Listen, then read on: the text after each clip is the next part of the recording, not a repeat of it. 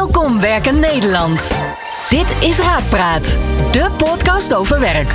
Andreas Bouwman van Raakpersoneel stelt een werkexpert rake vragen over solliciteren, salaris, carrière, promotie, collega's, werkplezier en andere werkgerelateerde zaken. Moet je per se diploma's hebben voor een succesvolle loopbaan? Hoe voorkom je een burn-out? Is inclusiviteit een hype? Leg je werk even neer. Het is tijd voor Raakpraat. Mijn naam is Andreas Bouwman en vandaag spreek ik Dennis Dobbelsteen, mijn collega bij Raakpersoneel. Dennis heeft niet alleen de mooiste naam van Raak, hij ziet er ook vaak het best gekleed uit. Maar daar gaat het vandaag niet om. Ik spreek Dennis vandaag over persoonlijke ontwikkeling. En voordat we het daarover gaan hebben, stel ik hem de vraag die ik iedereen stel. Dennis, toen jij nog een kleine jongen was, wat wilde jij toen worden? Ja, duidelijk verhaal. Dat voor mij eh, profvoetballer bij PSV. Dat wilde ik later worden. Het kan zijn dat ik het gemist heb, maar volgens mij is dat niet helemaal gelukt. Nee, dat klopt. Dat is eh, zeker niet gelukt. Maar je hebt wel altijd. Begon je al vroeg met voetballen als kleine jongen? Ja, toen ik eh, vijf was bij de plaatselijke club. Had wel leuk kunnen voetballen. Alleen ik miste wel de talenten die bijvoorbeeld een Joep uit mijn team, die wel profvoetballer is geworden. Ja. Dus wel, wel had. Ik wilde vroeger eh proftennisser worden. Dat is ook niet gelukt. En daar kwam ik eh, vrij laat achter toen ik 12, 13 was. dat, is, Eh, dat is nog best wel laat als je kijkt van op die leeftijd dat je er pas, pas achter zou komen. Ja, nou ja, ik, ik vond mezelf wel goed. Ik was clubkampioen en toen ging ik naar een andere club. Eh, naar een veel grotere club. En toen merkte ik van, hé, hey, er zitten nog veel meer jongens. En die zijn wel twee keer zo goed als ik. En toen dacht ik van, oei, en dan nog prof worden, dat gaat lastig worden. Ja. Maar op mijn eigen clubje, mijn kleine clubje waar ik begon, was ik de beste. Wanneer kwam jij er zo'n beetje achter dat, je, dat het er niet in zat? Eh, ja, bij trainingen, eh, stages, dat je ergens meeliep en dat je gewoon alle kanten voorbij liep, eh, werd gelopen. En dat je zag van, ja, die andere jongens zijn gewoon beter, maar dat maakt niet uit. Ja, In welke dus, eh, leeftijd had je toen? volgens mij een jaar of tien. Nou ja, eh, dan ben je tien, dan ga je naar de middelbare school. En dan heb je natuurlijk op een gegeven moment andere ideeën wat je wil gaan worden. Wat was de eerste, hè, toen je zo 14, 15, 16 was. Wat was toen eh, jouw toekomstidee, wat je wilde gaan worden? Toen wist ik dat nog niet. Ik heb een hele tijd gedacht dat ik in het leger zou gaan. Oh, Dat vond ik ook heel gaaf. Ja, toch dat sportieve. Zeker, zeker. En ehm, ik heb ook altijd. Voetbal ben ik zo mee verbonden gebleven. Hè. Vanaf dat ik tien was had ik die seizoen- eh, seizoenkaart bij PSV. En ik heb altijd ben ik gefascineerd geweest van ehm, aankoopbeleid van spelers. Dus de Mhm. juiste mensen aantrekken, de spelers op de juiste plek zetten. Constant ben ik nu nog steeds met die transfer deadlines ben ik daar eh, mee bezig. Ja, En ehm, dus op een gegeven moment dacht ik van, als ik nou geen profvoetballer kan worden, zou ik dan technisch directeur kunnen worden. oh ja. Dat lukte ook niet, maar Je toen heb ik wel ja, de ja. omslag kunnen maken van, goh, eh, als je dan die aspecten van wat zou je dan willen doen, wat vind je dan gaaf eruit kunt halen en dat naar je eigen werkveld kunt vertalen, dan zit je in de uitzendbranche wel goed. Ja, ik dan zie zet ook je de, ook ja, de, raakvlakken. de- mensen. ja, Op de juiste plek. ja, die raakvlakken die zijn, eh, die zijn niet moeilijk te zien inderdaad. Ja. Maar toch ben je eerst wat anders gaan doen eh, Ja. volgens mij. Ja, want ik wilde in de tussentijd. Ik wist ook wel, ja, technisch directeur, best wel lastig om daar zomaar tussen te komen. Dus toen had ik eigenlijk van, ik wil een eigen kledingwinkel. En een kledingwinkel gecombineerd met sport. Ik vind het altijd tof om zelf mooie kleding te dragen. En sport is gewoon mijn passie, voetbal. Dus eh dat dacht ik van, dat ga ik doen. En toen werkte ik op een gegeven moment bij, eh, bij een winkel in Waalwijk. Waar je gewoon hele mooie merken hebt. En waar je gewoon dus echt met de juiste partijen dus om tafel al zit. En Ja. de juiste connecties hebt. En toen dacht ik van, dat wil ik gaan doen. Maar toen realiseerde ik mezelf ook al wel van... Oké, er komt een moment dat het lastiger wordt. Want veel winkels vallen om. En eh, je moet echt best wel veel geld hebben om te kunnen investeren. Om echt iets moois neer te kunnen zetten. En dat was voor mij niet het geval. Dat dat je- ja. rijk was. Want je dacht toen ook al vooruit dus eigenlijk. Dus toen je in die winkel begon met werken in die eh modezaken, Mhm. dacht je ook al van ja, ik begin hier, maar straks Heb ik mijn eigen toko. heb ik mijn eigen 100%. toko. Ja, Ja. Dus ja, toen, toen, gaaf. in de tussentijd heeft de uitzendbranche mij wel getriggerd. Toen heb ik een paar keer ook, ehm, heb ik twee keer een sollicitatiebrief uitgestuurd. En toen ben ik dus eh, afgewezen omdat ik geen HBO-diploma had. Oh ja. En hoe voelde dat? Ja, vervelend. Ja. Vervelend. Op dat moment dacht ik echt van ja, dus ik word eigenlijk gewoon afgewezen omdat. Maar ja, dat was die tijd. Ja. Die is nu anders. Maar had je het wel naar je zin in die kledingzaak? Ja, super. Ja. Super. En hoe ben je toen van die kledingzaak? Ja, stiekem weet ik het wel, maar ik, ik vraag Ja, het dat toch. is, een, dat is een mooi verhaal. Want ehm, toen was Raak nog relatief klein. Toen waren er volgens mij nog maar vijf kantoren. En toen kwam Mark met zijn mensen. Er waren op dat moment eh, man of 23, 23 heren die op een dinsdagmiddag bij ons in de winkel zouden komen. Normaal gesproken heb je have never nooit door de week zoveel mensen in de winkel. Mannen. Dames wel, maar mannen niet. Dus ik had toen inkoop gepland staan. Die heb ik, in Amsterdam heb ik helemaal afge, allemaal gecanceld. Ik denk, dat is mijn toko. Ik moet daar zijn. Ja, Dus ehm, al mijn huidige collega's geholpen. En ook echt gezorgd dat zij daar echt in een warm bad kwamen. En toen zei, einde van de dag, zei eh, mijn huidige baas, dus Mark, van, eh, zou je niet eens een keer bij ons willen komen praten? En ik, ik, ik, ja, ik zeg, graag. ja, het lastig, graag, want uiteindelijk was wel in de winkel. Toen was mijn vriendin hoogzwanger, we hadden net een huis gekocht. En ik zeg, ik ga, gewoon, ik ga het gewoon doen. En zij zouden mij het vak gaan leren. wauw. En nu zeven jaar later. Ja, want ik ben, ik werk ook zeven jaar bij Raak. Net te laat voor dat pak. Dus, eh, want ik was in eh, januari, februari, nee, januari begonnen. En in december was volgens mij, December en ik ben 1 februari gestart. ja, dus we werken even lang bij Raak ongeveer. Nog even als laatste vraag over die kledingwinkel. Wat, ja, wat leerde je daar nou? Wat, wat was de grootste les die jij hebt geleerd door daar te werken? Ehm gasvrij beleving. Mhm. Eh dat vertaal ik nu ook al naar ons kantoor. Iedereen die bij ons komt, moet gewoon in een warm bad komen. En Ja. gewoon ook in mogelijkheden denken. Kijk, ik vond het gewoon heel erg leuk gewoon om in die connectie met die mensen te hebben. En om verder, verder te kijken van, goh, weet je, ik wist precies van iedereen wat hij had die in zijn kast.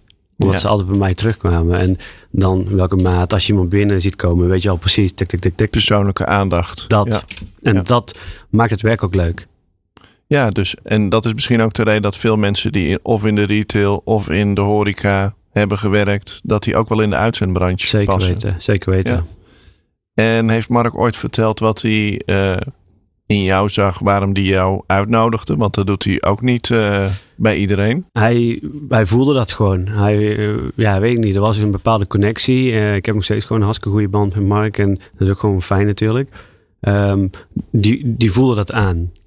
Net zoals dat Saskia dat aanvulde bij ons eerste gesprek. Ja, maar daar, eh, om even het bruggetje te maken. Jij eh, dacht van oké, ik heb dan wel een eh, vastigheid, maar ik ga voor die baan bij Raak. Want Ja. dat is wat ik wil. Ja.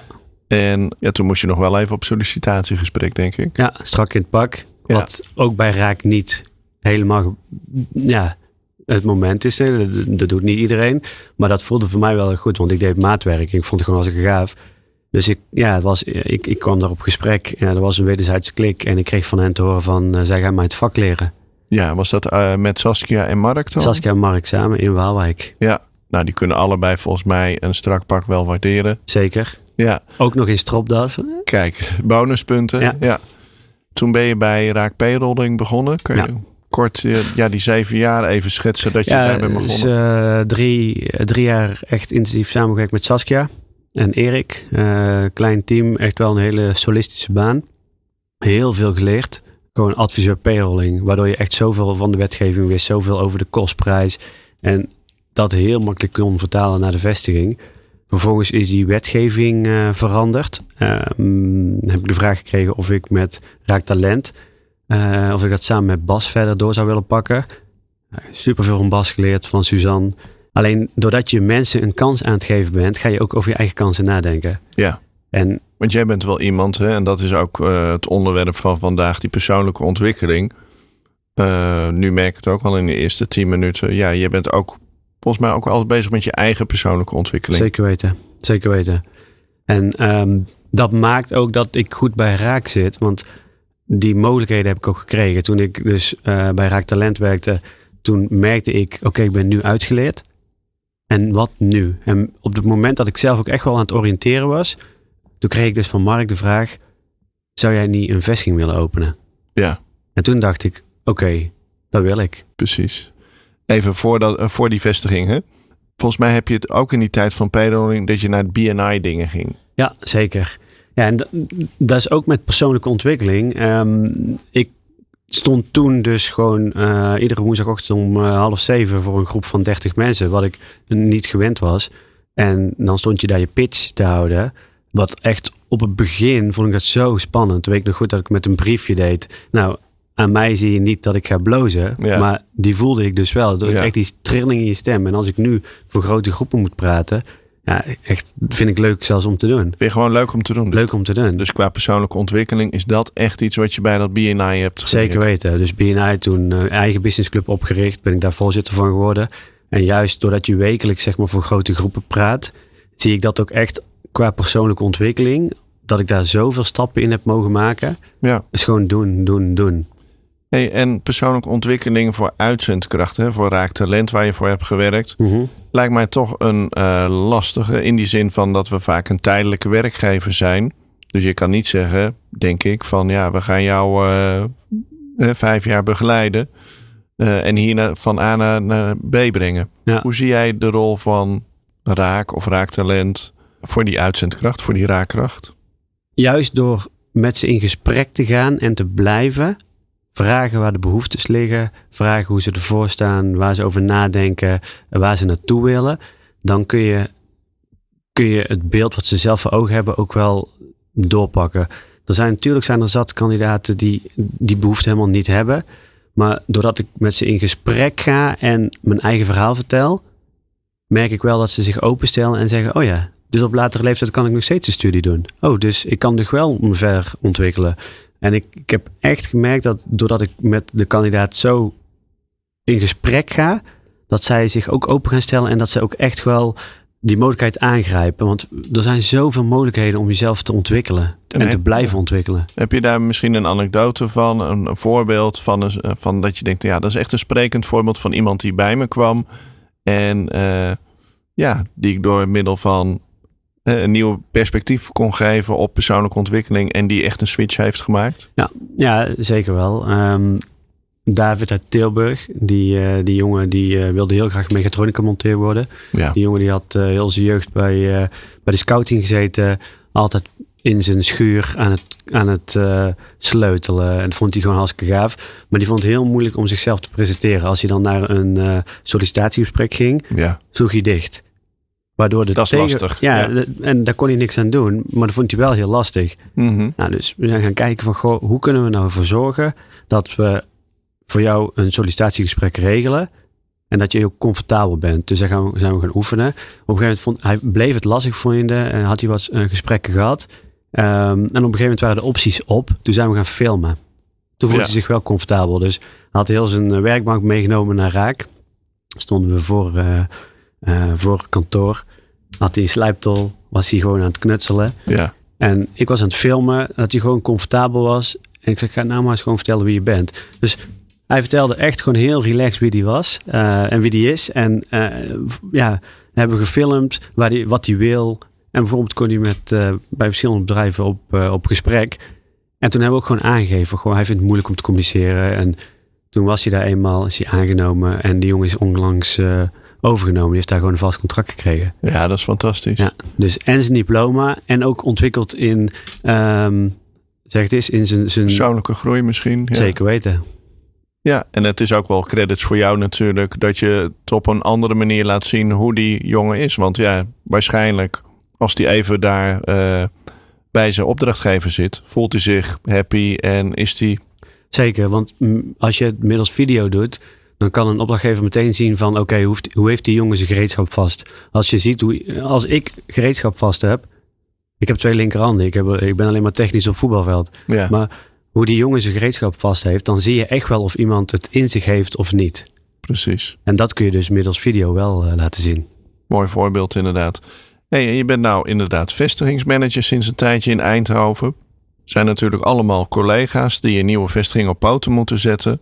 Ja, dat heeft ook iets te maken met jouw jeugdidee uh, van uh, de juiste poppetjes op de juiste plek zitten. Persoonlijke ontwikkeling. Mensen zijn nieuw in de branche, volgens mij in jouw team. Ja. Hoe pak je dat aan? Door gewoon um, goed te luisteren, kijken, plannen maken en duidelijk zijn. Uh, stap voor stap. En zodat ik echt aan kan voelen of het niet te snel gaat voor, voor mijn mensen. Um, er komt zoveel op ons af met wijzigingen. Maar iedereen moet zijn steun nog halen. Dus bepaalde kennis is er nog niet. Dus goed luisteren uh, en het voordoen. Ja. En meedoen. Meedoen en voordoen. En weet je ook goed wat de drijfveren zijn van, Ja. van, van jouw teamleden? Ja, hebben we um, toevallig onlangs een sessie gedaan. Um, ontbijt. En dan heeft iedereen zijn voorbereiding gedaan. Dat iedereen ook echt zijn drijfveren uh, op het bord zette. En dan ook daarbij uitlegt van wat, wa waarom is deze drijfveer specifiek voor jou? En dan leer je elkaar ook echt kennen. Want ik heb hele andere drijfveer dan iemand anders uit mijn team. Ja. Kan je een voorbeeld geven van iemand in jouw team die op een bepaalde manier gegroeid is, of die bepaalde drijfveren had of heeft uitgesproken van nou, ik ben nu binnengekomen bij jou, maar ik wil eigenlijk uh, richting uh, zus of zo groeien? Uh, ja, want ik heb een tijdje ook Tilburg mogen doen. Daar gaf Jefferson, die gaf aan van, goh, weet je, ik, ik, het, het pad wat jij hebt belopen bewandeld binnen, binnen Raak, dat zie ik ook wel voor mezelf. Hij weet nog niet of hij specifiek vestigingsmanager wil worden, maar die zit nu echt mooi in een senior traject. Uh, die jongen heeft enorm veel potentie en uh, uh, net zoals heel veel mensen binnen onze organisatie. Maar die heeft ook echt een duidelijk doel voor ogen. Ja. En dat vind ik wel heel erg mooi om te zien. Zou iedereen dat moeten hebben? Dat nee. Ze, nee. Nee, zeker niet. Wat is voor een individu nou het voordeel van persoonlijke ontwikkeling? Als je daarin investeert, als je eens een keer even de tijd neemt, even stilstaat van hé, hey, wat zijn mijn drijfveer? Wat wil ik bereiken? Uh, dat je het duidelijk zelfbeeld, dat je het nog duidelijker voor jezelf hebt van wat, wat wil je doen en waarom. Uh, dat je bepaalde keuzes die je hebt gemaakt of in de toekomst gaat maken beter kunt uh, relativeren bijvoorbeeld. Maar ook dat je ook weet van wat, waar wil je naartoe. Maar als, als je jezelf niet verder wilt ontwikkelen, is het ook oké. Okay. Ja. Dus maar als je dat voor ogen hebt, dan ben je er ook al hè. Ja, dus dan is het gewoon wel de bewustwording van... hé, hey, ik zit op mijn plek, dit is wat ik het liefste doe. Ja. En de komende jaren hoef ik helemaal niks anders. Nou ja, ik zou uh, heel graag mensen ook in het team hebben die zeggen van... goh, weet je, ik, dit is helemaal oké okay voor me. En um, laten we dit maar gewoon even een paar jaar zo gaan doen. En dan zien we dan wel weer. Niet iedereen hoeft diezelfde ambities te hebben zoals ik ze bijvoorbeeld heb. Nee, want uh, als je als organisatie... Hè, we hebben het vaak over een leven lang leren en... Uh, continu investeren in mensen. Maar er zit natuurlijk ook een soort van valkuil in voor bedrijven. Van ja, dan zit ik te investeren, te ontwikkelen. En dan voor een manager is vervelend. Ja, dan ben ik hem of haar weer kwijt. Ja. Omdat hij zelf manager of iets anders gaat doen. En als organisatie kun je zeggen, ja, dan zit ik te investeren in mensen die dan bij de buurman uh, mijn opgeleide werknemer overnemen. Ja. Wat, zeg, wat zeg je tegen dat soort organisaties? Je kunt het ergens kun je het niet tegenhouden. Maar als je aan de voorkant echt met een kandidaat in gesprek gaat, hè, nou, nou is het echt op kandidaatgebied dan. Hè? Mm -hmm. Als ik die in een opleidingstraject deed, zoals destijds bij Raak Talent, kreeg ik heel vaak de vraag van ja, nou ga ik heel veel geld investeren, ben ik aan het opleiden voor de buren. Ja. ja, dus eigenlijk wat jij net zegt. Maar als je aan de voorkant zo goed weet wat de drijfveren en wat die persoon wil, dan kun je een x-aantal bedrijven al uitsluiten. En dan zit je wel, kun je wel richting een goed bedrijf wat voor die persoon passend uh, zou kunnen zijn. Als hij bijvoorbeeld mijn proefdag al zo'n een nagevoel heeft of weet ik veel wat, dat, dat hij denkt dit is het niet, moet je het ook niet doen. Nee. Maar dat risico haal je nooit weg. Nu ook. Ik heb die opleiding uh, vorig jaar gedaan. Dat heb ik bij LinkedIn verwerkt. Je wil niet weten hoe vaak wij berichten krijgen van andere recruiters van goh, je bent nou vestigingsmanager, zou je, niet, zou je hier niet willen komen werken? Welke opleiding heb je ook weer gedaan, uh, Dennis? Uh, middelmanagement. Ja. ja. ja. Wat zou Raak nou nog meer kunnen doen om mensen te stimuleren het beste uit zichzelf te halen? We hebben een Raak Academy met allerlei opleidingen. Ja, wat is er nou nog meer wat wij kunnen doen om, om mensen beter te maken en om hun drijfveren boven tafel te krijgen? Ja, ik denk dat het gewoon heel goed is om gewoon te starten met drijfveer sessies ja. binnen je team. Want dan, dan weet je, dan, dan gaat iemand ook echt gewoon uitleggen van waar, waarom is dit een drijfveer voor mij? En wat betekent dit dan precies? Ontdekt iemand dan ook zijn eigen intrinsieke motivatie? Dat hij denkt van, hé, hey, dit is eigenlijk waar, waar ik echt energie van krijg. En uh, als je dat weet, ja, dan kun je hem of haar ook het beste ontwikkelen. Zeker, zeker. En ook op de manier hoe iemand ontwikkeld wilt worden. Want ik heb bijvoorbeeld uh, Iemand die wil heel graag eh, een bepaalde vrijheid. Ja. Maar die heeft nog wel een bepaalde begeleiding nodig. En doordat je weet dat uh, uh, die bepaalde vrijheid voor iemand heel belangrijk is, middels die sessie, weet je wel de manier van aansturen wat dan prettig is. Want als jij bij iemand echt boven, echt in zijn nek zit te hijgen, ja, die wordt gek. Precies. En als je dat naar elkaar uitspreekt, dan ben je er al, ben je gewoon weer een stap verder natuurlijk. Ja, dan ben je zeker een aantal stappen verder. Hey, en jouw um, persoonlijke toekomst? Hè? Je hebt net een opleiding afgerond. Je bent net, nou ja, net al een tijdje vestigingsmanager. Wat zijn jouw persoonlijke ambities? Ik wil deze rol zeker nog drie tot vijf jaar blijven doen. Dus ik ben nu net uh, sinds uh, ja, af, vorig jaar ben ik vestigingsmanager geworden. Voorheen bij, uh, in Waalwijk was ik toen ook manager bij een ander bedrijf. Maar dat is in de mode geweest. Dus op een andere, andere manier. Is dat ook een beetje een logisch tijdspad om drie, drie jaar vooruit te kijken? Ik denk wel dat je wel veel meters moet maken. Dus, maar ik heb wel een duidelijk beeld. Ik, ik weet dat Raak enorm aan het groeien is. En um, doordat wij ook weer talent binnenhalen, die ook weer de ambitie hebben en de potentie hebben om vestigingsmanager te worden, is er voor mij ook, zijn er voor mij ook weer mogelijkheden om meerdere vestigingen op den duur wellicht aan te gaan sturen.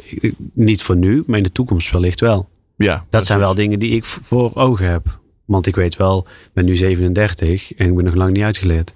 Ja, mooi. Raak als organisatie, waarin denk je dat Raak nog beter kan worden? Want het is best wel wat aan de hand. Hè. We hebben nieuwe afdelingen, we hebben nieuwe functies, we hebben account managers, in, uh, we hebben recruitment specialisten, we hebben een raak talent, een afdeling die, die hard groeit. Heel veel nieuwe functies, heel veel nieuwe afdelingen. Waar zou raakpersoneel naartoe moeten groeien als jij uh, het voor het zeggen had? Um, zeker die ambitie die we nu hebben staan. Dus uh, 30 vestigingen in 2030 biedt voor mezelf natuurlijk ook weer perspectief. Vooral in de regio Eindhoven dan? Nou ja, ja gewoon uh, ook dat. Ja. Als ik kijk, ik woon zelf in Goorlen bij Tilburg. Ja. Uh, ik reis iedere dag naar, naar Eindhoven toe met veel plezier. Maar er zijn nog heel veel gebieden omheen waar we ook vestigingen neer kunnen zetten. Om echt die verbinding te blijven maken met de kantoren. Dus die ambitie die moet blijven staan. Maar als ik het voor het zeggen zou hebben, dan zou ik het nu zo even laten en laten gebeuren. Want we zijn een lerende organisatie.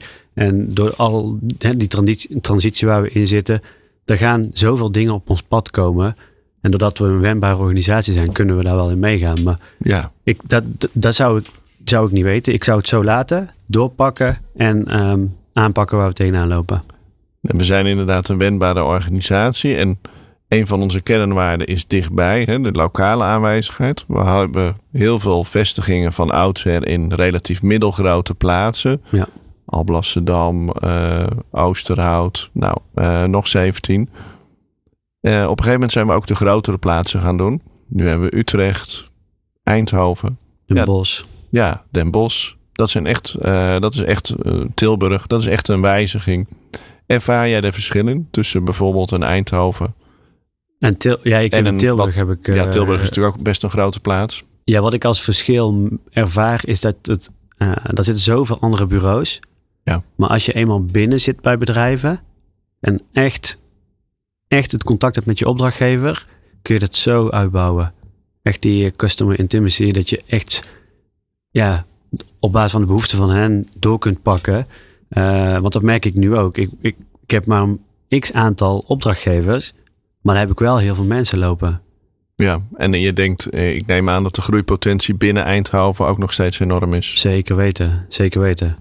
Ik wens jou heel veel succes met de groei van Raak, met jouw eigen persoonlijke groei. Ik dank je hartelijk voor dit gesprek, Dennis. Graag gedaan, ik vond het leuk om te zijn. Bedankt voor het luisteren naar Raakpraat. Binnenkort weer een nieuwe aflevering met Andreas Bouwman en een verse werkexpert. Meepraten? Check de show notes en abonneer je op onze podcast. Werk ze!